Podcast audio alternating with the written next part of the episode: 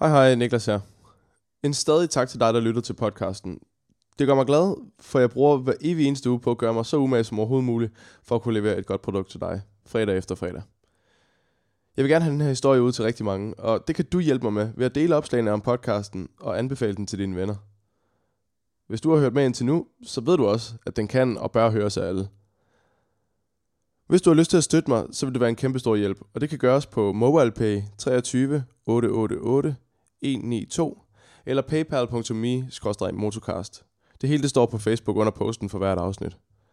Og ellers, så kommer afsnit 10 helt gratis til dig lige her.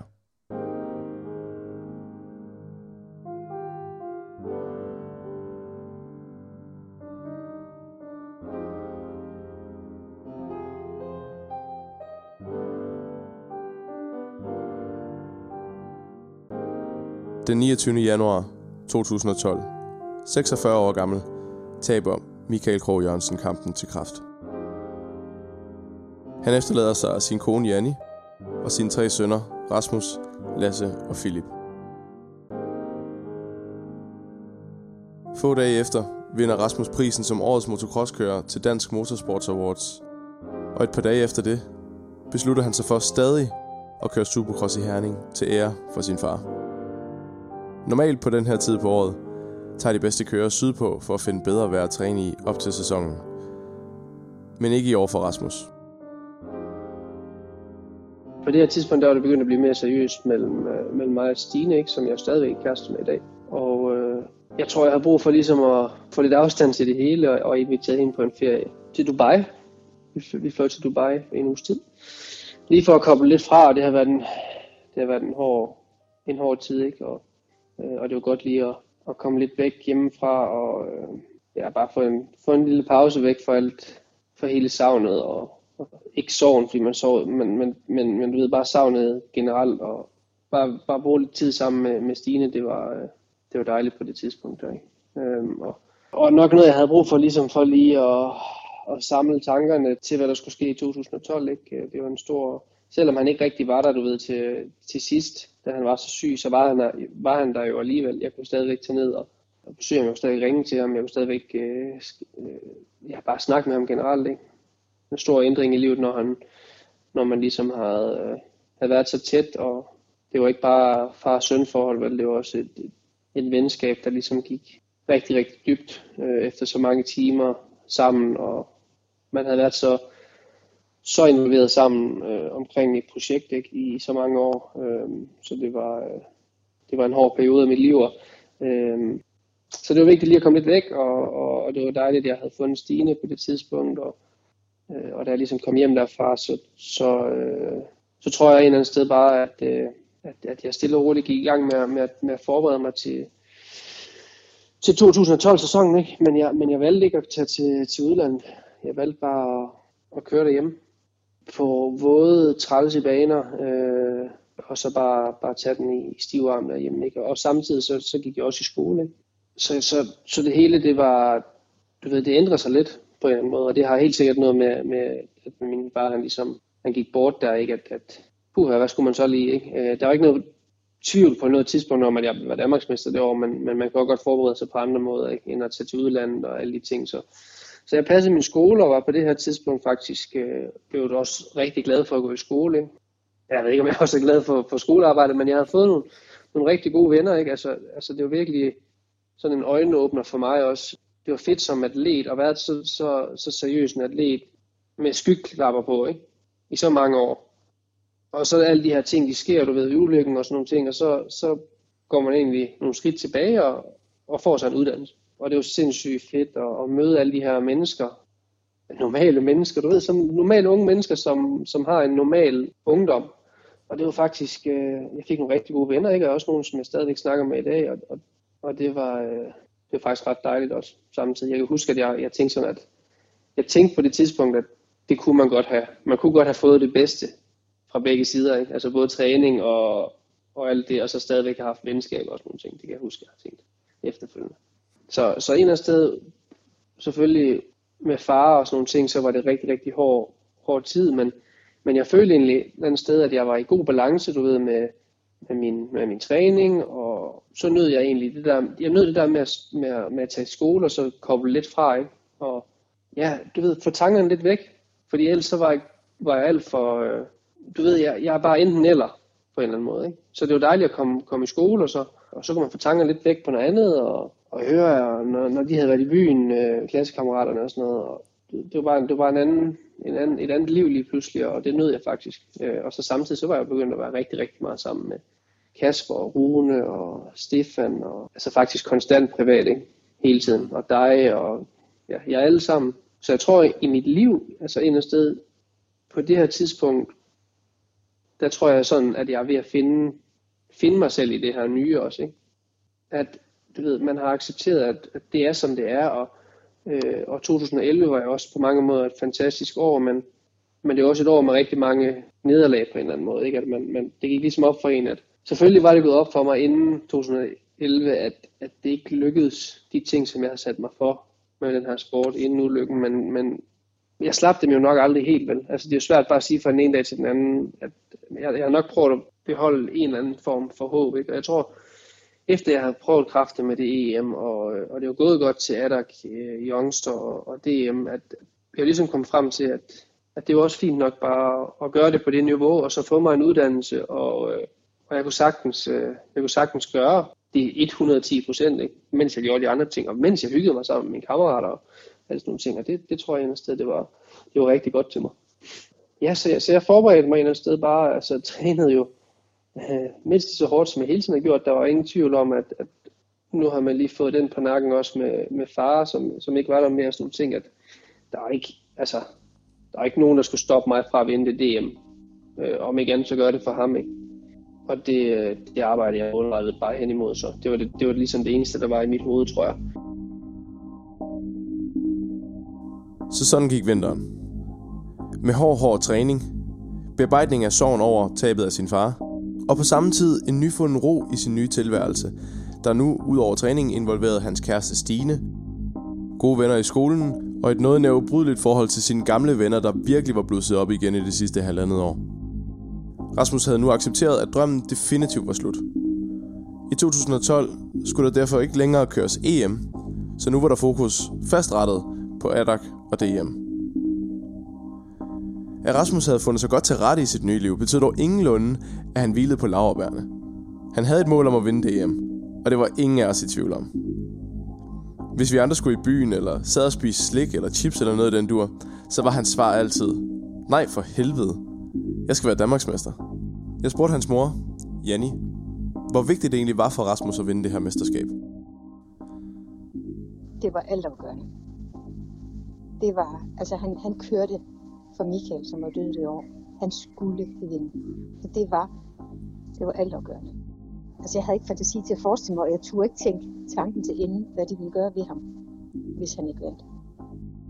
Ja, altså der var slet ikke noget, øh, altså der var ikke, hvis jeg ikke havde vundet DM det år, altså så den havde været hård at sluge for mig. Altså op i mit hoved, ikke, der, der var kun det DM. Altså det var, det lyder næsten, for mig nu, når jeg sidder og siger sådan, ikke, så altså et DM, øh, du ved, at det kan betyde så meget for en, er lidt, er lidt vildt, ikke? Øh, men det betyder virkelig så meget for mig. Altså det der med at kunne vinde en titel, øh, efter alle de ting, der har været sket, og vinde en, en, en DM-titel i den bedste række i Danmark med et kæmpe handicap.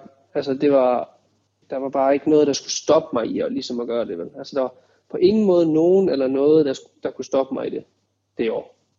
Og jeg, og jeg kan huske, at, øh, at det var mentalt et rigtig, rigtig hårdt år. Ikke?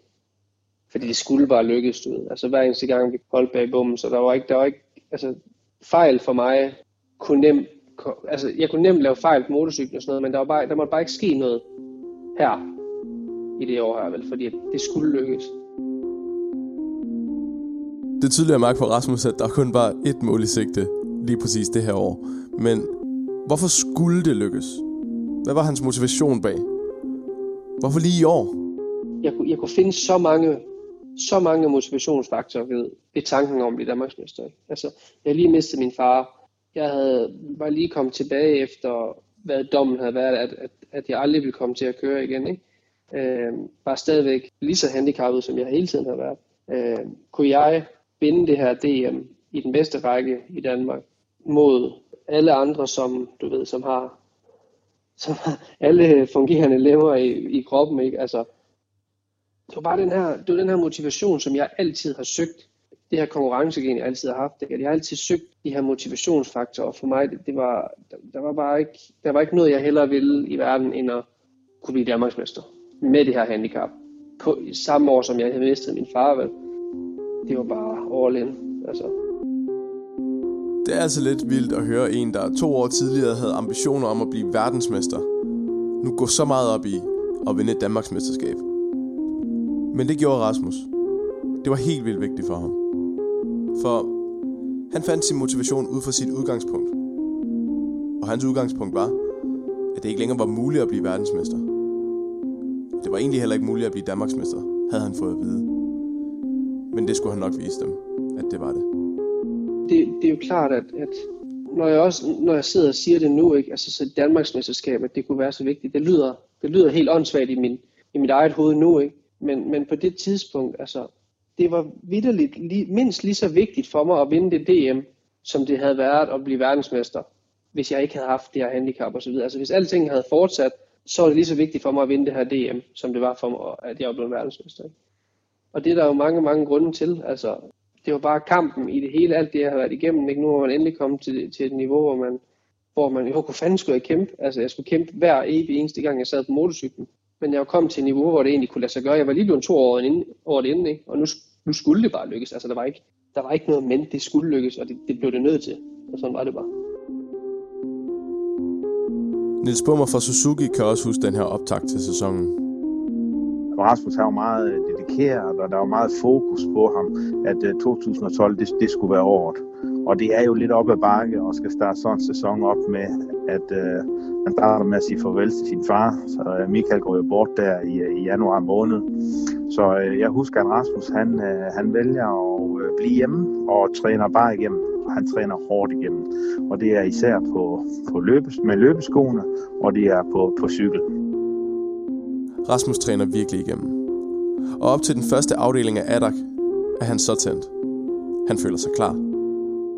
Jeg lavede jo, eller har sådan set hele min karriere lavet mine egne træningsprogrammer og lavet mine egne planer og sådan nogle ting. Ikke? Og jeg kan huske der inden, uh, inden 2012-sæsonen, der valgte jeg jo bare at køre i Danmark, og det var lidt lige meget, hvad for noget vejr og så videre det var, men, men, men jeg fik kørt en masse, rigtig, rigtig meget, og jeg fik kørt uh, mange firmers heat, og altså jeg gik virkelig til den, ikke? og følte mig, øh, jeg kan huske, jeg følte mig virkelig, virkelig klar sæson sæsonen sådan generelt, og, og onsdagen inden det første er der nede i Dræner, der, ja, jeg vælter faktisk bare et lille, i sådan en lille venstresving, og får min øh, lange finger i klemme mellem koblingsskabet og, øh, og håndtaget, og brækker min, øh, brækker min finger.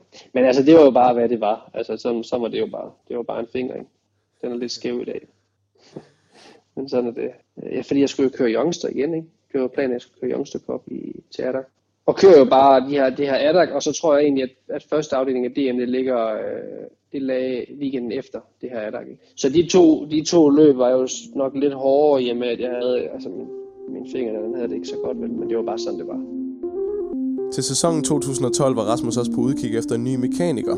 Og valget, det faldt på Jannik Rasmussen det jeg husker tydeligt, det var, altså Rasmus og jeg var jo venner, og hvad hedder det, allerede inden, og, og kom en del sammen, øh, sammen med alle de andre gutter nede fra Varteområdet der. Og så Rasmus, så ringede han til mig, da og spurgte, øh, hey, kunne du ikke øh, tænke dig at komme til at skrue for mig i, i 2012 der? Så sagde jeg, det ved jeg godt nok ikke lige, der havde jeg lige startet selvstændig med mit eget motocrossværksted, og, og havde lidt meget at se til, men, øh, men synes jo også, at det var en oplagt mulighed for ligesom at, at hjælpe Rasmus øh, videre, og, og også udvikle mig selv øh, på det punkt. Så det valgte jeg egentlig at sige, at øh, det ville jeg gerne. Hvorefter at øh, Rasmus og jeg aftalte at, at mødes en aften i Breum øh, til en træningsaften, hvor, hvor Michael så også var med. Jeg kan huske, at, øh, at Michael han i hvert fald øh, han var, han var syg på det andet tidspunkt, og, og ikke og ikke frisk øh, sådan på nogle punkter, så, så vi hjælpes, hjælpes jo lidt ad den, den aften der med at, at få cyklerne ud af bilen og pakket ud og gjort ved. Og, og Rasmus fik kørt lidt, og jeg fik snakket med Rasmus selvfølgelig, og fik snakket, øh, snakket lidt med Michael også den aften. og noget af det, som jeg husker tydeligst, det var Michaels øh, seriøsitet omkring det. Den, den, den har man jo aldrig været i tvivl om. Han har jo altid været der 100% for Rasmus i al den tid, øh, hvor han har, har hjulpet med Rasmus' maskiner og har været med ham rundt i, i hele Europa. Ikke? Og når vi sådan snakkede sammen, Michael og jeg, der, der kunne jeg mærke sådan ligesom, altså som hele i halsen, sådan at... Ja, der var åbenbart en lille dårlig forbindelse, men han sagde en lille klump i halsen. Ligesom om, at nu lagde han altså ansvaret over på mine skuldre, altså nu skulle jeg sørge for, at de her cykler her, de skulle altså bare fungere for Rasmus, øh, så han havde den mindre ting at tænke på, øh, og kunne fokusere på at køre sit race. Så det var jo, jeg kan ikke engang huske, hvor gammel jeg var der, øh, men, men det var i hvert fald øh, store ting at få lagt, øh, jeg tror, jeg var starten af 20'erne, så det var et, et halvt stort ansvar at få lagt på en skulder, men jeg kunne også øh, se på Michael, at, øh, at, han, at han også følte, at det var det rigtige at gøre på, på det tidspunkt. Så det, det sagde jeg selvfølgelig ja til. Og så startede samarbejdet ellers der øh, mellem øh, Rasmus og jeg. Til første DM i Næstved kommer hele feltet fuldstændig tændt op og klar til kamp. 5-6 kører holder hvert år og er sikre på, at det er dem, der bliver Danmarksmester i år. De som vilde heste i startboksene. Rasmus holdt der med en handicappet skulder og en brækket finger. Men den mest nervøse, han stod ved siden af ham. Og vi vidste jo godt, at øh, og der også var nogle andre hårde hunde i feltet. Jeg havde gjort, hvad jeg kunne for at gøre cyklerne klar, og, og vi var så klar, som man kunne blive. Men, men jeg må sgu ærlig indrømme, at øh, jeg tror, jeg var mere nervøs der, end jeg var dengang jeg selv skulle, øh, eller når jeg selv stillede op til DM. Fordi at, der var altså nerver på nu, og det er altså mit ansvar, at den der cykel der, den fungerede. Og jamen, kunne du ikke se, at den havde sprunget en kæde, eller jeg glemte at spænde en bold eller et eller andet, og så skulle jeg have den på min skulder, at, øh, at jeg allerede øh, var ved at ødelægge det for ham til den første afdeling. Jeg havde jo lovet Michael, at det skulle være i orden. Så det, øh, ja, det var et halvt stort ansvar. Jeg var ret nervøs, men, men det, gik jo, det gik jo over stok og sten, og det gik også pisse godt. Jeg kan huske, jeg kan huske at næste, næste var jeg egentlig godt tilfreds. Jeg blev to i begge heat, fordi at jeg, jeg havde lånt i fingeren og sådan nogle ting der. Og Mathias øh, Jørgensen, han kørte rimelig godt derovre. Jeg tror, Thomas, han blev faktisk han blev tre i heat, tror jeg. Og jeg, jeg, følte egentlig, jeg tror egentlig, jeg følte, at jo, fanden var jeg træt af, at jeg ikke havde vundet, men, men du ved, sådan alt taget i betragtning, så var jeg sådan rimelig, der var rimelig ro på, sådan med hensyn til resten af året, tror jeg. Jeg vidste, at Mathias han kørte godt derovre, ikke? Og, jeg, og jeg var ikke helt, jeg var ikke helt på duberne. Øh, så det var et godt udgangspunkt til resten af sæsonen, og jeg var sådan set ikke så, øh, så nervøs for.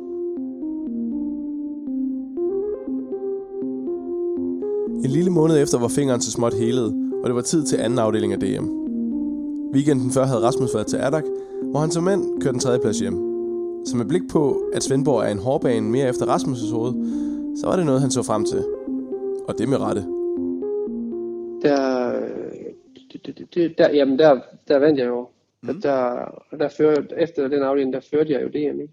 Og jeg tror, altså, jeg tror et eller andet sted efter det, øh, der var det bare, der, der klikkede det bare lidt, ikke? Til DM.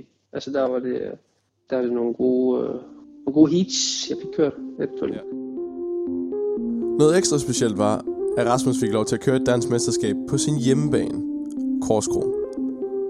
På den bane, hvor han for første gang efter ulykken var ude at køre igen. Den bane, hvor han har kørt hundredvis af omgange, hvor han startede hele sin motocrossrejse. 2012 er det eneste år, de har fået lov til at afholde en afdeling af Danmarksmesterskabet. Og derfor var der jo helt vildt mange mennesker til stede for at hæppe på Rasmus. Det gjorde det også. Det gjorde det også lidt mere specielt det år. Og ikke nok med det bare, ikke nok med bare at have DM, de havde en, øh, det var en weekendstævne, som de ligesom prøvede af det år. Så det var mega fedt, at, at det var, det var kvalhit om lørdagen, ikke? og så hjem i sin egen, egen seng og sove, og så ud og køre de på indgivende heat om søndagen foran en masse familie og venner. Jeg tror endda, der var folk fra min ja, fra handelsskolen og sådan nogle ting, som var ude at se, hvad, hvad det egentlig var, jeg gik og lavede. Det. Øh, og det var faktisk en, det var en ret fed, år, øh, fed oplevelse. Jeg kan huske, der var så mange mennesker, som jeg, ikke, jeg slet ikke havde regnet med, ville tage ud for at se mig køre. Ikke? Og det var, øh, det var lidt specielt. Det, var, øh, det gjorde det hele bare, bare lidt federe. På grund af hans nye kørestil, hvor hele kroppen skulle trække skævt for at kompensere for den ukampdygtige arm, begyndte Rasmus allerede i år 2010, da han begyndte at få fart på igen, stille og roligt at opbygge overbelastninger i de raske dele af kroppen. Værst var det med nakken, ryggen og den højre arm, og det begyndte at nage ham mere og mere. Altså der var jo også et, et tidspunkt i 2012, ikke, hvor at, øh, nu har jeg snakket om skavanker og så videre, jeg sagde, at i 2011 kunne jeg godt mærke, at det var nok ikke noget, jeg kom til at kunne gøre så længe. Øh, og med den træningsmængde, som jeg ligesom puttede i det, og den måde, jeg ligesom pressede min krop på en måde, som altså det, den ikke rigtig kunne holde til, ikke? Øh, når, vi, når jeg kørte på motorcyklen. Så fik jeg bare nogle skavanker ved det, og, og, og 2012 er jo er for, for alvor der, hvor det ligesom begynder at tage fat, ikke? At, hvor jeg begynder at få meget ondt i nakken og ryggen, og øh, bare fordi jeg kompenserede så meget. Det var ikke rigtig noget, han sagde højt, men han havde rigtig ondt, Rasmus. Og det vidste mor Janni også. Jeg tror også, der var tættest på ham, og os, der kender ham bedst, der var ikke nogen, der var i tvivl om. Altså, han, han havde bare ondt. Det var vi slet ikke i tvivl om. Han havde ondt hele tiden. Og han havde ondt om aftenen, og han har brugt sin krop, og det, det har han jo også i dag, altså. Ikke? Det havde han. han havde, det var vi slet ikke i tvivl om. Men han brokker sig jo ikke vel. Altså, man kan da godt få et svagt lige øjeblik, hvor han lige øh, kunne finde på at, at lige at sige noget, hvis man greb ham i det rigtige moment, ikke? Men, men øh, ellers så, så er han jo som han er, ja. Det får du ham ikke til at indrømme. Jo, han vil godt ondt, men du får ham ikke til at pive. Altså, han piver sgu ikke over det. Altså. Og smerterne blev også for meget til Rasmus, der en weekend efter han havde vundet på hjemmebane i Korskronen, måtte give op og blive opereret. Og efter, efter Korskronen, der skal vi jo der skal vi køre noget, noget adder igen, ikke? Og, øh, hvor jeg simpelthen bliver nødt til at, øh, jeg bliver nødt til at stoppe, fordi jeg har så ondt i mit højre håndled. Ikke?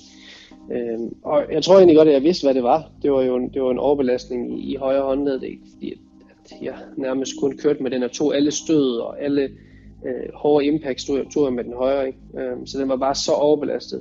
Og ikke nok med det, så alt hvad jeg gjorde i hverdagen. Ikke? Det var lige meget, hvad det var. Om det var altså, tage ting ned fra skabene til vask øh, tøjvask, krosser, vask hjelm, altså alt blev gjort med den højre hånd, ikke? fordi den, den venstre ikke fungerede. Øh, så den var så overbelastet og så hævet. Forestil dig, at det er den eneste gode, øh, fungerende arm, du har. Ikke? Så det er altså den, man, jeg holdt rigtig, rigtig meget med, øh, ved med.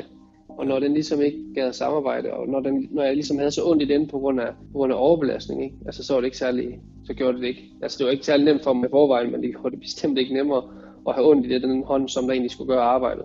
Og den, den dunkede bare, du ved, og den, den hævede, og den blev helt varm og sådan ting, så jeg havde jo fuldstændig, det var, altså seneskede har jeg jo haft i en meget, meget slem grad, ikke? Den fik aldrig det ro, den, den skulle have, vel, fordi at den skulle jo bare have ro hele tiden, men det kunne jeg aldrig nogensinde give den, så jeg blev nødt til at blive opereret.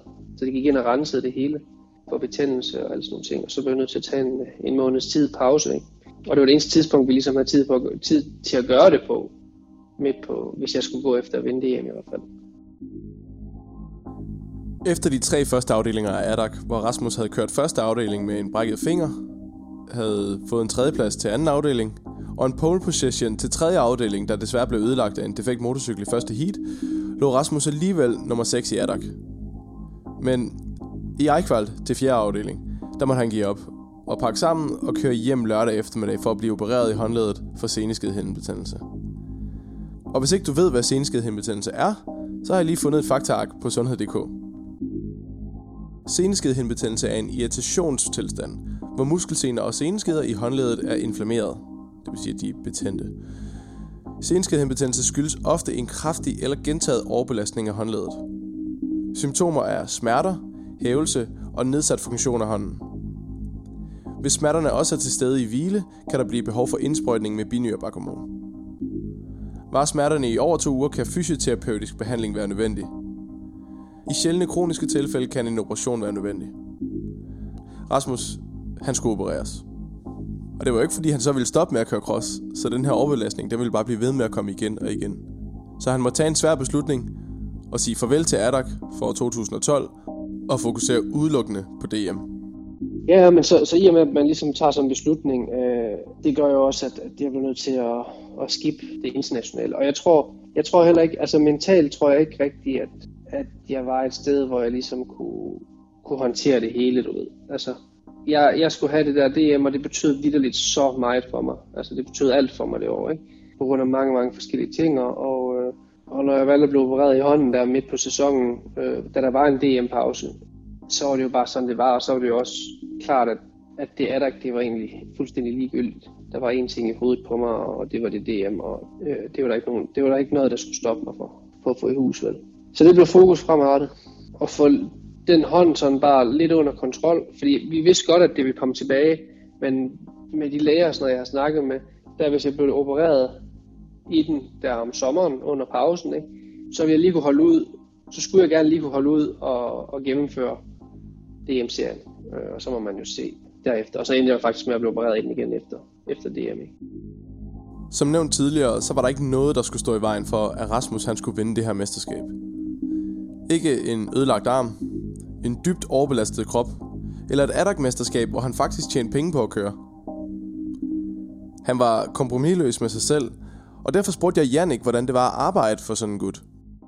Jamen, øh, Rasmus og jeg, øh, vi havde jo et stærkt venskab allerede, øh, inden jeg begyndte at, hvad kan man sige, at arbejde for ham. Og jeg havde da sådan lidt, nu skulle jeg til at, at skrue for en af de helt hårde hunde, og en af dem, der havde været vant til at, at køre for fabriksteams, og, og så skulle unge Jannik på, øh, på små 20 år øh, til at skrue, i, uh, skrue for en professionel motocrosskører. Det, det var jo grænseoverskridende på en måde.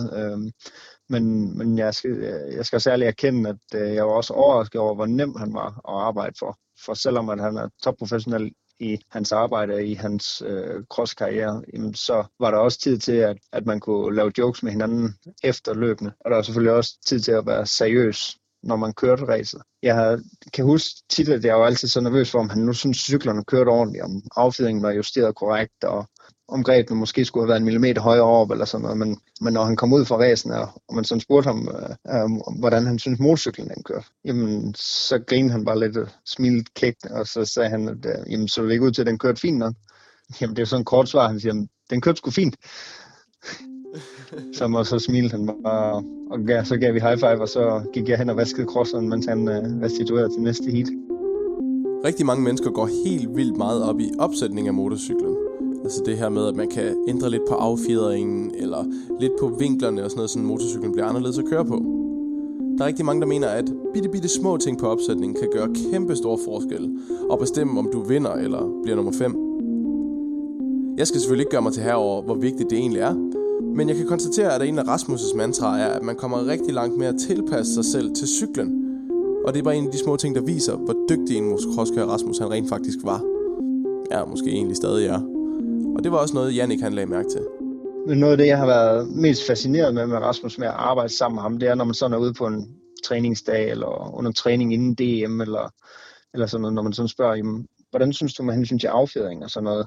Jamen, han synes egentlig, det kører fint. Han kan godt mærke, at den hopper lidt nogle steder. Så siger man, er det noget, vi skal prøve at justere på? Jamen, jeg, jeg flytter bare vægten lidt og enten accelererer øh, lige i starten af hullerne, eller bremser lidt senere eller skifter spor, og så, så, så får det til at fungere. Altså den måde, den mand, han arbejder på cyklen på, altså han får flyttet hans vægt, og man må sige, at de sidste par år, han kørte med det handicap, han havde, jamen, der var det jo bare fascinerende at se, hvordan han kunne styre den motorcykel nærmest med, med benene. Det var virkelig fascineret over, at, at det var meget begrænset, hvad vi ændrede på den maskine i løbet af sådan en sæson. Jeg tror måske, at vi skiftede til øh, et 51-tands bagtandhjul i stedet for et 50-tands, og så øh, måske tre klik på affjedringen, afhængig af om vi kørte øh, bløde eller hårde baner. Og det, det er helt bundseriøst. Jeg tror, det var faktisk mere eller mindre det, der blev gjort. Og oven i det, så har han jo også, øh, det var jo på Suzuki det år selvfølgelig, øh, og det var jo ikke, det var ikke vanvittigt tunede maskiner, vi kørte på. De var faktisk øh, meget tæt på standard. Der var lidt bearbejdet topstykker, og ellers så var det faktisk standardmaskiner, men med noget rigtig fornuftigt affjedring. Og det, det viser også bare, at jamen der var jo cykler i det felt, der havde 5-6 heste mere end Rasmus, men, men han stadigvæk formår at lave de resultater, han gjorde der. Det viser jo bare, at øh, drengen han er ikke helt uden talenter. Og det er altså ikke hvem som helst, der taler her. Vist har jeg bare introduceret ham som Jannik Rasmussen, men Jannik kan er kendt for at have hænderne umådeligt godt skruet på. Og jeg ville med ro i hjertet overlade alt fra min bil til opførelsen af mit fremtidige hus til ham. På det her tidspunkt havde Jannik, som han selv nævnte tidligere, lige startet sit eget værksted, hvor han testede alle mulige tuningsmetoder på sin egen cykel, og derefter solgte de bedste løsninger til kunder. Og det har kun taget fart siden, så Jannik, han ved, hvad han taler om. Så for at blive lidt klogere, så spurgte jeg lige lidt mere ind til det med Rasmus' motorcykler i 2012. Ud fra materielt synspunkt, der synes jeg, at det var, der var det øh, mindblowing. Altså, det, det fatter jeg ikke, at, at man har kunne gøre øh, på cykler øh, der ikke har været hurtigere. Jeg ved også, at Rasmus han tidligere, før jeg begyndte at hjælpe ham, øh, havde kørt på fabriksracer og haft nogen, der var lavet motorer på helt i vildskab. Men de sidste par år, han kørte, der kørte han på mere eller mindre standardcykler, hvor der var lavet lidt topstykker og måske en anden knast eller lignende. Og, og det var mere eller mindre det. Og det, det, det synes jeg bare, det, det viser, at, at man virkelig formår at få det, det maksimale ud af, af det grej, man nu har. Øh, og det er også en øjenåbner for mange af de folk, der kører den dag i dag, for jeg kan da se, at nu der er det meget normalt, at man alle sammen har fabriksaffjedring, også selvom man bare kører i i bunden af B eller midt i B-klassen. Ikke? Og, og jeg skal også være ærlig at kende, jeg har også selv været en af dem, der bare, jamen, det kan være, at jeg kan købe mig til den fart, der vil købe et sæt affjedring. Jo. Øhm, men, men det, det viser, at det kræver benhårdt hårdt arbejde, både fysisk og, og selvfølgelig også på motorcyklen. Og så tror jeg da helt klart, at alle de køretimer, Rasmus har haft igennem hans liv, at det har givet ham øh, så meget køreerfaring, eller hvad man siger. Så, så det tror jeg, det, det er noget af det, der har hjulpet ham. Og så selvfølgelig talentet, det skal jo være der, og det er der ingen tvivl om, det har været ved ham. Operationen krævede, at Rasmus ikke kørte på motorcyklen i fire uger. Og da han måtte begynde at køre igen, var der kun tre uger til fjerde afdeling af mesterskabet i Holstebro. En bane, som Rasmus frygtede. Men det kommer vi til. For under træningen til Holstebro var der et par velkendte øjne, der kiggede på Rasmus køre, og kunne se, hvor skævt det hele så ud. Øjnene tilhørte Emil Larsen. Altså Emil fra Emil og Nikolaj Larsen, som jeg fortalte om tidligere i podcasten. De to brødre, der kørte så vanvittigt stærkt. Husker du det? Emil var den ældste bror, hvis karriere også var godt på vej, indtil han kom ud for en slem ulykke, der gjorde ham lam fra halsen og ned. Han fik at vide, at han aldrig ville komme til at gå, eller bare få et normalt liv igen. Men endte imod alle odds og en lang, hård, utrættelig kamp med til sidst at rejse sig fra kørestolen igen. Det betød selvfølgelig en alt for tidlig ende på hans karriere som kører, men Emil har efterfølgende erhvervet sig som motocross-træner og er den dag i dag landstræner i motocross. Gående på sine to ben. Og på den træningsdag i Holstebro talte han med Rasmus. Jeg kan godt huske sådan svagt, ikke? fordi at, øh, at ja, vi snakkede selvfølgelig, du ved, omkring selvfølgelig, hvordan man går hardt, ikke? og også i det her med, at når man selv har været udsat for, for lidt, påfører du smerte af sin krop der, ikke? Så når man har haft sådan et ja, traume sikkert også, som Rasmus har haft, ikke? Så, så reagerer bare kroppen anderledes på, på den fysiske belastning der, og, at køre cross, men også at træne så meget, som man helt sikkert har gjort for at kunne køre på det niveau, han kom tilbage til. Ikke? Øhm, og også det her med, at, at han, når, man, når han har en skulder, som han har, ikke, så, så kompenserer man jo rigtig meget i resten af kroppen. Øhm, da han jo har lidt udfordringer nu, men også dengang med at køre især. Ikke? Og det kan jo gøre, det er jo alle de der ting øh, lagt sammen, det gør jo, at kroppen kan være det mere presset, end den ville, hvis han aldrig har været ude for, for den skade, han nogle gange har været igennem. Ikke? Øh, men derigennem så gør han jo stadigvæk alle arbejde for at kunne, kunne være på det niveau, han kom tilbage til, som var selvfølgelig rigtig flot, men som han, det ved jeg ikke, om jeg selv kommer ind på, men at det har jo taget lidt hårdt på kroppen, end, end jeg tror, hvis han, havde, hvis han bare skulle træne tilbage fra en, fra en skade, hvor der ikke havde været de men. Altså, jeg kunne kun tage lige, hvad man siger, øh, kigge fra, fra, hvad jeg selv har været igennem, ikke, for at, at komme tilbage bare til et normalt liv, ikke? Og så, øh, jeg nåede jo aldrig så langt med at kunne komme til at, at køre på noget niveau igen, ikke? Men, men jeg havde lige haft et par år, hvor jeg har været skadet og været igennem mange ting. Øhm, og også ligesom så, når man der heldigvis er der også andet i livet, øhm, og også andet, man kan se frem til, selvom man ikke øh, måske øh, kan opnå et drøm om at komme til at leve af at køre cross, eller blive verdensmester, eller klubmester, eller hvad man nu havde, havde i sigte der. Ikke? Og, ja, og det synes jeg, der er sådan en situation, som noget at Rasmus i mange år. Ikke? Og ja, altså, det var bare et råd for, for en gammel kriger til en anden. Ikke? Det er vigtigt, at vi passer på os selv, ikke? selvom at, øh, vi i øjeblikket synes, at, at også det, det er det eneste i livet, og det eneste, der tæller, og, og det skal det jo også godt gøre til, til et vis niveau, ikke? Men, øh, men man skal også lige passe, passe på sin krop, ikke? Og vide, at øh, vi også kunne stå op i morgen. Jeg mener, det var under forberedelserne til DM i Holstebro, og det var på Holstebro-banen, at vi var oppe og træne op, og det var sommer. Og normalt, øh, altså normalt lytter jeg ikke til folk, det ved du også godt. Men Emil han kom hen til mig, og så, og så, og så nævnte han nogle ting, og, og sagde, som nok mange andre også har sagt til mig allerede, at jeg skulle nok, jeg skulle også tænke på, hvor lang tid jeg ligesom kunne byde min krop og gøre de ting, som jeg gjorde. Fordi Emil han havde også forstået, hvordan kan godt se, hvor meget jeg kompenserede og sådan nogle ting. Ikke? Og det kan jeg huske i dag, så, så grunden til, at jeg siger det, det er også, at jeg ved med mig selv, at hvis jeg kan huske, hvis det har påvirket mig, at Emil han har sagt de ting, så er det fordi, at, at de har fået mig til at tænke over nogle ting. Ikke? Og det er jo helt sikkert også, fordi Emil han har været igennem nogle ting i sit liv, ikke? Som, hvor der måske, man havde måske, han havde måske lidt en bedre forståelse omkring tingene. Øh, ikke at man skal på noget tidspunkt sammenligne, øh, fordi jeg ved godt, at Emil han, at det var meget værre, hans situation. Øh, men, men det var bare, øh, på en eller anden måde, så, så tror jeg, jeg tog det lidt til mig, det han sagde. Jeg tænkte i hvert fald en ekstra gang over det. Så parret med en, der selv havde været ude for et kæmpestort traume, og så det, at Rasmus nok godt selv kunne mærke, når han stod op om morgenen, at det ikke var helt godt, det han gjorde. Så var det måske derfor, han tog det en lille smule til sig. Men han blev ved alligevel. Altså, altså jeg løj konstant over for mig selv jo. Altså det blev jeg nødt til. Når jeg, når jeg vågnede om morgenen efter, jeg har været ude at træne, eller bare efter første heat, ikke? Når man har givet sig alt, hvad man overhovedet kunne, ikke? og med, med den måde, som jeg har kørt på, og så skævt og sådan nogle ting. Altså, bare det at komme op af stolen, når det var, man har kørt første heat. Ikke? Altså, jeg blev nødt til at lyve for mig selv. Jeg vidste godt, inderst, inderst inden, at det burde nok have været mit sidste år, 2012. Det var det da godt klar over med mit konkurrencegen og min, min, min indre sportsmand, du ved, der arbejdede hen imod mål og sådan nogle ting, altså det var bare slet ikke klar til at give slip på alle de her ting her.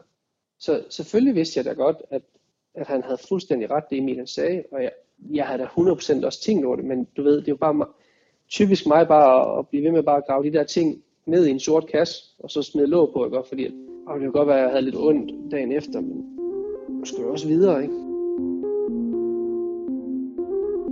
Efter en måned af cyklen for at komme sig over håndledsoperationen, og tre uger med træning var tiden kommet til DM-afdelingen på den bane, Rasmus havde frygtet mest hele året. Og vi skulle så køre i Holstebro, og Holstebro det har jo nok det har jo været øh, skrækscenariet for mig. Ikke? sæsonen øh, starter jo altid sådan med omkring februar måned, der kommer kalenderen jo ud, og da den ligesom bliver offentliggjort, hvor de forskellige ting skal være henne, jamen, så kigger man jo som alle andre på kalenderen. Men for Rasmus er det jo lidt anderledes, fordi der skulle ikke være for mange sandbaner at gøre godt med. Det var der, han havde det absolut sværeste på motorcyklen. Så øh, jeg husker bare, at øh, at de to sværeste baner for Rasmus i det år at køre på med den nye stil, han skulle have tillagt sig, jamen det var, det var på hjemmebanen nede i, på Gråskroen, og så var det på, øh, på Holstebro, altså Troldkærbanen. Og alle, der har kørt i Holstebro, ved jo godt, hvor stor udfordring den bane kunne gøre det. Det har klart været den værste bane på, på kalenderen, fordi den er så, øh, den er så sandet. Så det var lidt ligesom tilbage det, vi snakkede med i sidste episode med Lommel, ikke? Altså når den er så sandet bane, så har jeg bare rigtig, rigtig svært ved ligesom at, at holde ved motorcyklen og gøre de ting, som, de ting, som jeg gerne vil gøre, de er jo lige pludselig svære at gøre, når, når, der, når banen var rigtig ujævn og, og fysisk hård. Ikke? Og så, så ikke nok med det, så har man ligesom kommet, øh, har man lige haft en måneds fri fra bosseren, ikke? og så skulle, man, så skulle man op og køre, køre på den bane. Så det var, altså, alt hvad jeg lavede det år, Nico, altså, det er det, som jeg ligesom trak ud af hatten, de forskellige steder, det var udelukkende over i bøtten, at det kunne lade sig gøre. Mm-hmm. Ja. altså, der var ikke, øh, du ved, jeg tror, jeg tror virkelig, at, at, at jeg havde været på limit med, hvad jeg ligesom kunne gøre ikke, på en motorcykel, øh, og alt det sidste, jeg fik presset ud, og, og, og grunden til, at jeg slog de folk, som jeg egentlig gjorde, det var udelukkende på grund af min mentalitet. Det er ret paradoxalt, at løbet og banen, som Rasmus frygtede allermest på hele året, skulle ende med at blive der, hvor han en gang for alle tog fuld kontrol over mesterskabet. For han dominerede i Holstebro. Det ender jo med, at, at, at Holstebro det bliver klart det løb, som jeg er allermest stolt af på hele, på hele året der. Ikke? Fordi jeg gjorde bare rent, bord. det år, der kørte vi også kval heat, og, og vinder kval og det, jeg husker absolut mest fra 2012 og de her DM-afdelinger, vi er ude at se af de fem, jamen det er, der må jeg sige, det bliver, det bliver min egen hjemmebane, som jeg siger, det er sådan en hjemmeklub. Det, det, det er Holstebro Motocross Altså, øh, jeg husker tydeligt, Rasmus han kommer til Holstebro dagen før. Vi får lidt at spise og hygge snakker, og er også enige om, begge to, at det her det bliver nok den største udfordring på, på året med Holstebro herude, for den, den kan godt blive og bliver rigtig ondt derude. Men øh, facts er bare, at øh, han, han, han følger for i øh, DM's øh, heaten op, men han vinder jo nede på Korskronen. Er det ikke rigtigt for mig? Han mener, han vinder nede på Korskronen også. Jo. Og øh, det, det er første gang, han laver to heat sejre, altså står øverst på skammen med, med fuld 50 point. Og den følger han faktisk op i Holstebro tro det eller ej, til stor overraskelse for, ja, også for ham selv. Det er jeg overbevist om. Altså, de starter jeg ligesom lavet deroppe. Jeg er to-tre cykellængder foran alle andre. Øh, og vinder første heat ret suverænt, mener jeg. Og, og andet heat øh, ligger to og styrter faktisk ret voldsomt ikke? på nogle, en af de første omgange, det ved du nok mere, øh, lidt, lidt mere præcist end mig. Specielt anden heat husker jeg tydeligt, hvor øh, han ligger, jeg tror, to-tre stykker, og pludselig så vælter han og falder tilbage, og er et godt stykke efter. Det sådan en rimelig vild styrt, ikke bare sådan et lille styrt.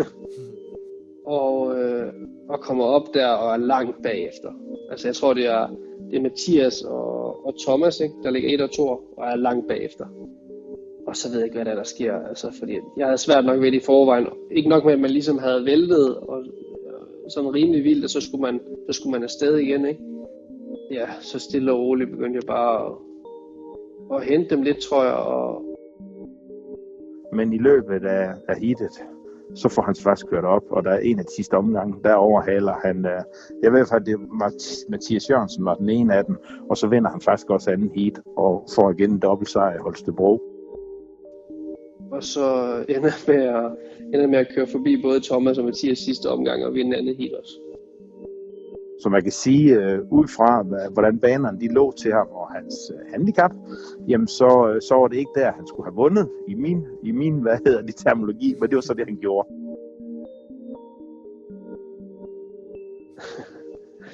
altså fuldstændig, altså det, når jeg tænker tilbage, altså når jeg ved, nu har jeg været ude at køre nogle gange her, øh, de sidste år, ikke?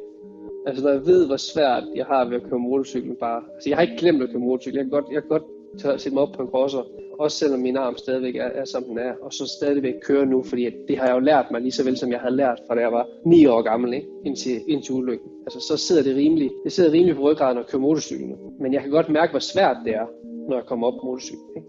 Altså at tænke på, at det, den præstation, jeg ligesom lavede deroppe, det, det kan jeg godt få guldegysninger af, fordi det var, det var noget specielt. Og det var det, jeg mente med, med, med det mentale, ikke? Fordi at at hvis, de andre, hvis mine konkurrenter på det tidspunkt, der de, de blev trætte efter 20 minutter, så kan du være helt sikker på, at jeg var træt efter 10 på sådan en bane, ikke?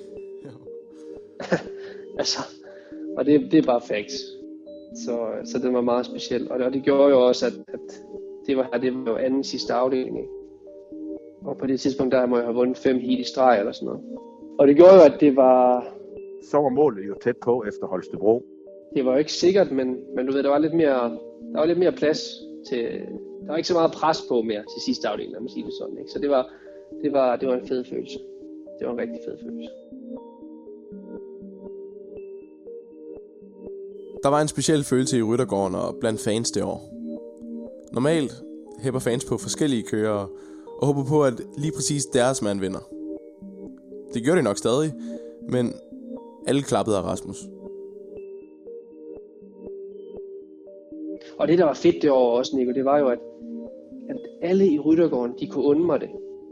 Ved, når jeg kørte ned forbi pitlane med alle mekanikerne og fædrene og alt, altså sådan, når jeg kom rundt på sidste omgang og var ved at hente Thomas, og det var alle, du ved.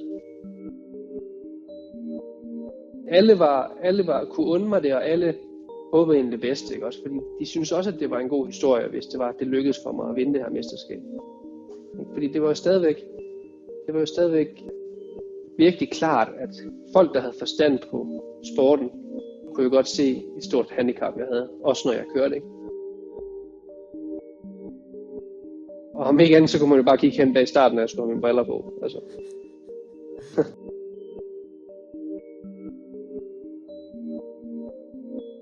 så det var en fed følelse der med, at man følte, at hele DM-ryttergården, du ved, de, de, onde, de kunne virkelig undre mig det. Undtagen på nærmest Mathias Jørgensen selvfølgelig øhm, nej, men, men du ved, alle kunne undre mig det, og, og der var en fed energi, og det var fedt at se. Altså, det var en, det var en fed følelse sådan generelt, bare, at der var så meget opbakning. Ikke? På tværs af, af mærker og teams og alle sådan nogle ting, der var. Det var en fed følelse hele året. Titlen var tæt på.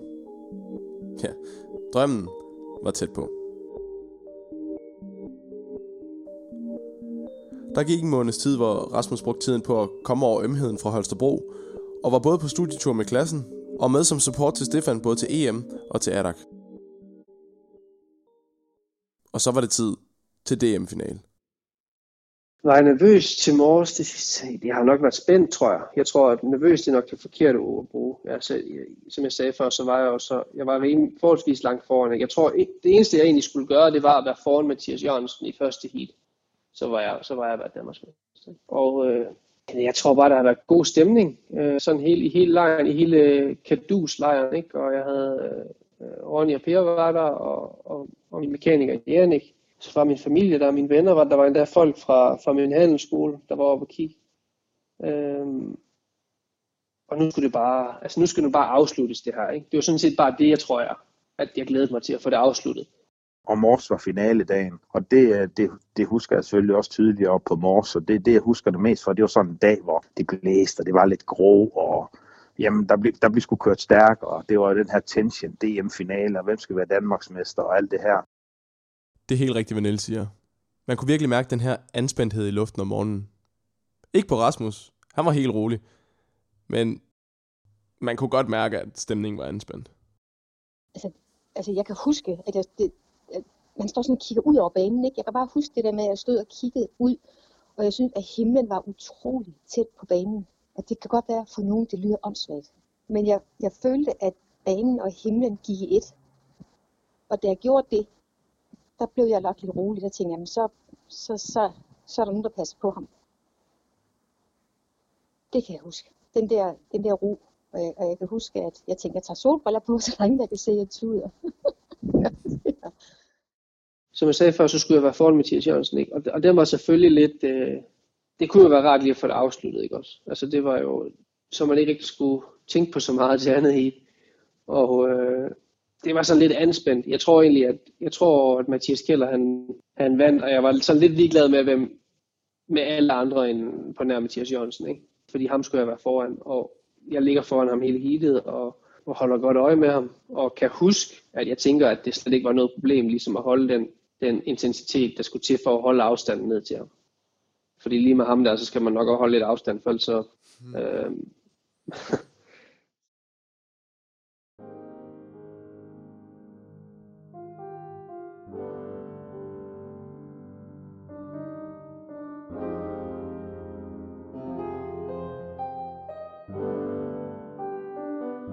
Rasmus kommer godt fra start. Lige efter Mathias Keller, og de to stikker hurtigere af for resten af feltet, sammen med Benjamin Strate og Rasmus Lyngård. Herfra kan Rasmus køre et sikkert løb, hele tiden med øjnene på sine konkurrenter. Han sætter dog alligevel Hites hurtigste tid, to sekunder hurtigere end Mathias Jørgensen, som han skulle slå for at sikre sig titlen allerede efter dagens første heat.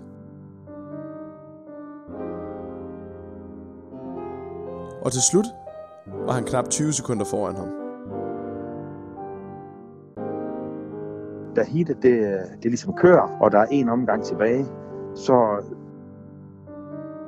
så lige så bliver det bare vindstille, og solen den skinner fra en næsten skyfri himmel, og den ligesom varmer publikum. Og øh, det husker jeg så tydeligt, som det var i går. Det var en mærkelig fornemmelse.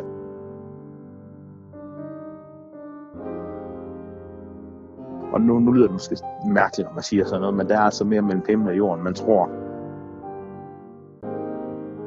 Og jeg kan huske, Jan og jeg, vi har begge to bemærket det. Vi var engang det samme sted på banen og kiggede det her sidste heat. Og da vi mødtes og giver hinanden klub, så var vi enige om, at det var Michael, der lige sendte en hilsen. At det her, det var bare, du var bare tosset. ikke noget, altså der er ikke det vilde at sige en eller anden sted andet, at, at det ligesom blev afsluttet på en, øh, på en meget øh, fejlfri måde, øh, og på den bedst mulige måde, som jeg ligesom kunne, øh, kunne have ønsket mig det, ikke?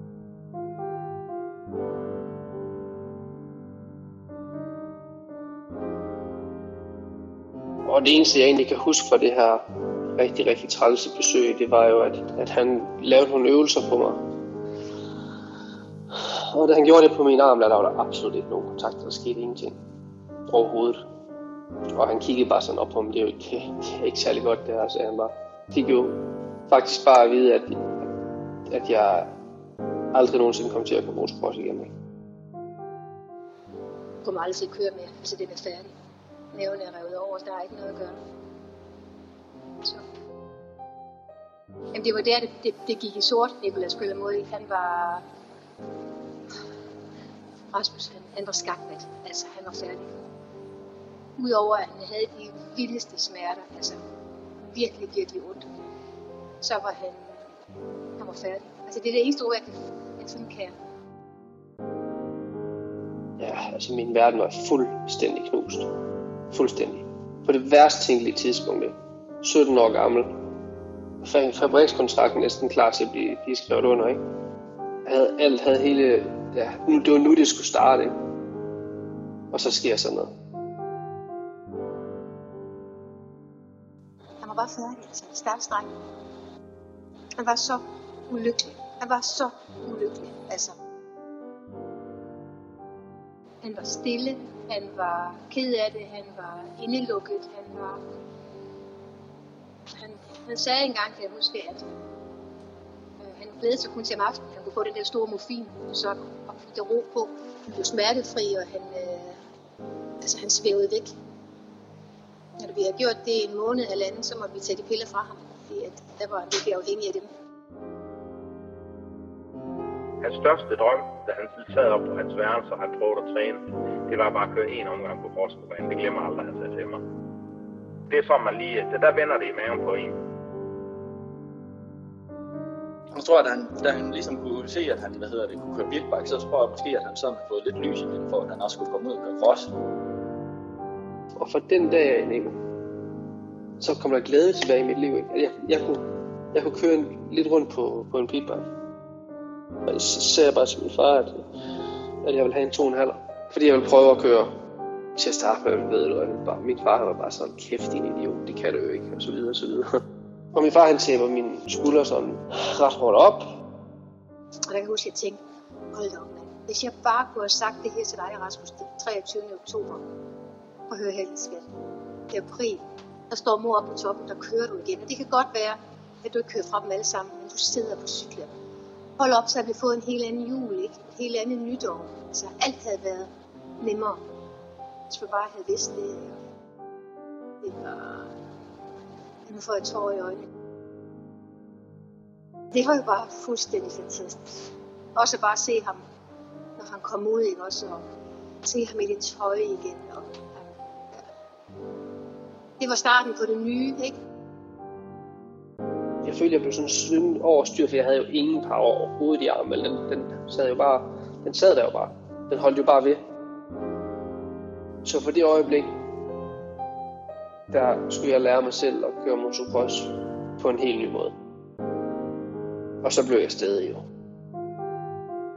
Så tænkte jeg, at det var en umulig opgave, men samtidig så var der noget inde i mig, som der bare blev fejret fuldstændig op.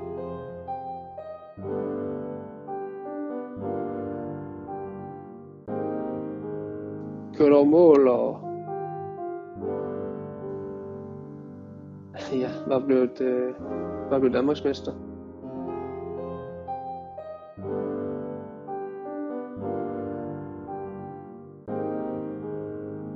I alle sammen, alle drengene stod der klar med alverdens alkoholiske drikke og sprøjtede det på mig, og vanvittig fed følelse.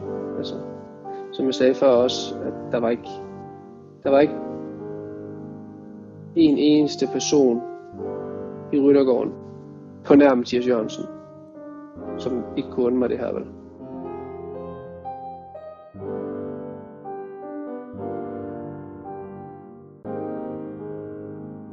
Han havde gjort det. Han havde gået fra at få dommen om, at han aldrig ville kunne køre på en motorcykel igen. Smerter så slemme, at han blev afhængig af morfin og tog det i smug for at kunne klare dagen. En depressiv tilstand med intet håb for fremtiden, for hans fremtid var knust. Og nu havde han slået alle de bedste i Danmark. Nu var han den bedste i Danmark. Igen. Dengang med en fuldstændig ødelagt arm. Uden sin far.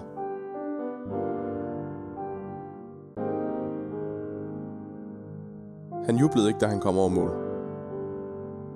Mens hans bedste venner oversprøjtede ham med champagne, sænkede han blot skuldrene og sank stille ned over motorcyklen.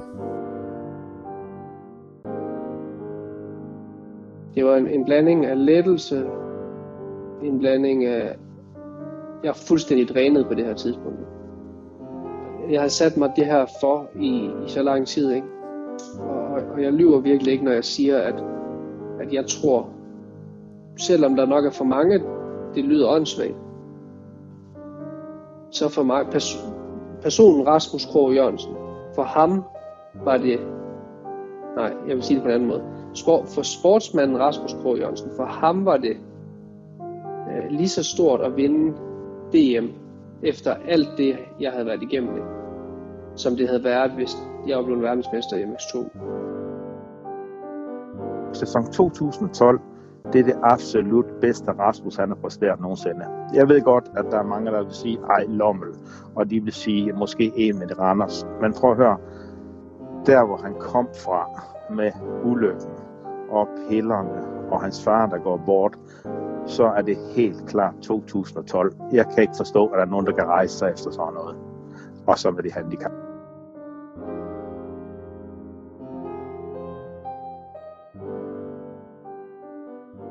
Det var fantastisk, fordi han havde, han havde vundet med den arm, men det var også pisse sørgeligt. Altså. Det var pisse sørgeligt. Det var måske i bund og grund mere sørgeligt, end det var glædeligt. Det, det var jo det var en hård dag. Så. Og jeg husker, at, at øh, da han havde kørt, han sad om bilen. Jeg var med ham, og han græd rigtig meget. Så, så det var hårdt. Altså, det var en hård dag. Mere, mere, mere sorg end glæde, tror jeg. Og så tror jeg, at det der med glæden, og det der, det, det, det kom nok hen ad vejen. Det kom måske også dagen efter, og fanden er det egentlig, han har gjort, det?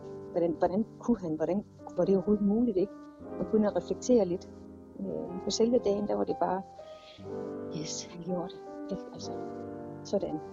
Det var vigtigt for ham. Det var så stort at gå fra alt det lort, der skete i mit liv, ikke, til ligesom at komme tilbage, og så, og så kunne kalde sig den bedste i Danmark. Altså, den havde nogensinde troet det, ikke? Der er ikke nogen, der havde troet på det andet end mig selv. Det havde ikke kunne lade sig gøre. Havde jeg sagt det til folk, ved, havde jeg sagt det til, nærmest til mig selv, lang tid inden, ikke? Altså lige da jeg begyndte at køre pitbike, havde man overhovedet begyndt at snakke, det havde man ikke engang begyndt at snakke om, Nico. Så det var fuldstændig sindssygt, jo. Så det var, det var så stort et øjeblik for mig, ikke? Og, og så, og så selvfølgelig også fordi, at, at, at jeg mistede far, ikke? Også samme år. Altså man ligesom kunne, ja, det var bare, det var bare en perfekt titel. Og, og det var, øh, det var så kæmpe stort, det. Helt vildt.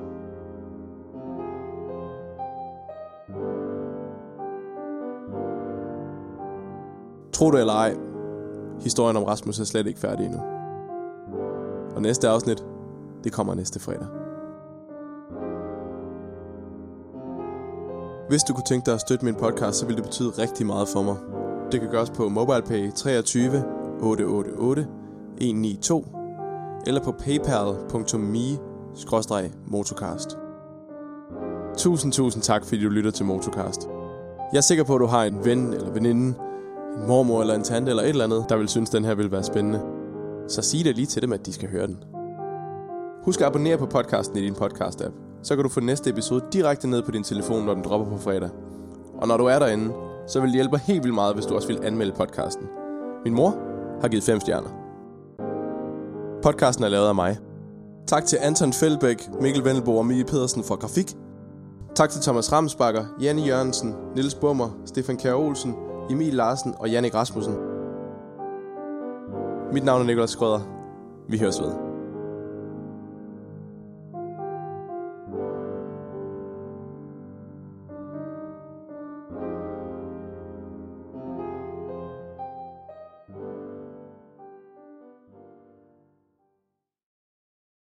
Stille jo op i andet heat faktisk måske en lille smule småfuld også. Det er jeg nok nødt til at indrømme nu. ja, det var nok også okay. Du blev to alligevel. ja, Jeg tror, det var, det var faktisk på, på trods af et, et startstyrt, Ja. at jeg blev to, blev to i andet heat. Og jeg kan huske, at jeg overvejede rigtig meget, om jeg overhovedet gad på vej op ad den lange bakke der efter starten. Men jeg tænkte, at jeg må nok hellere. Og så, så lykkedes, så lykkedes det mig at komme op som toer.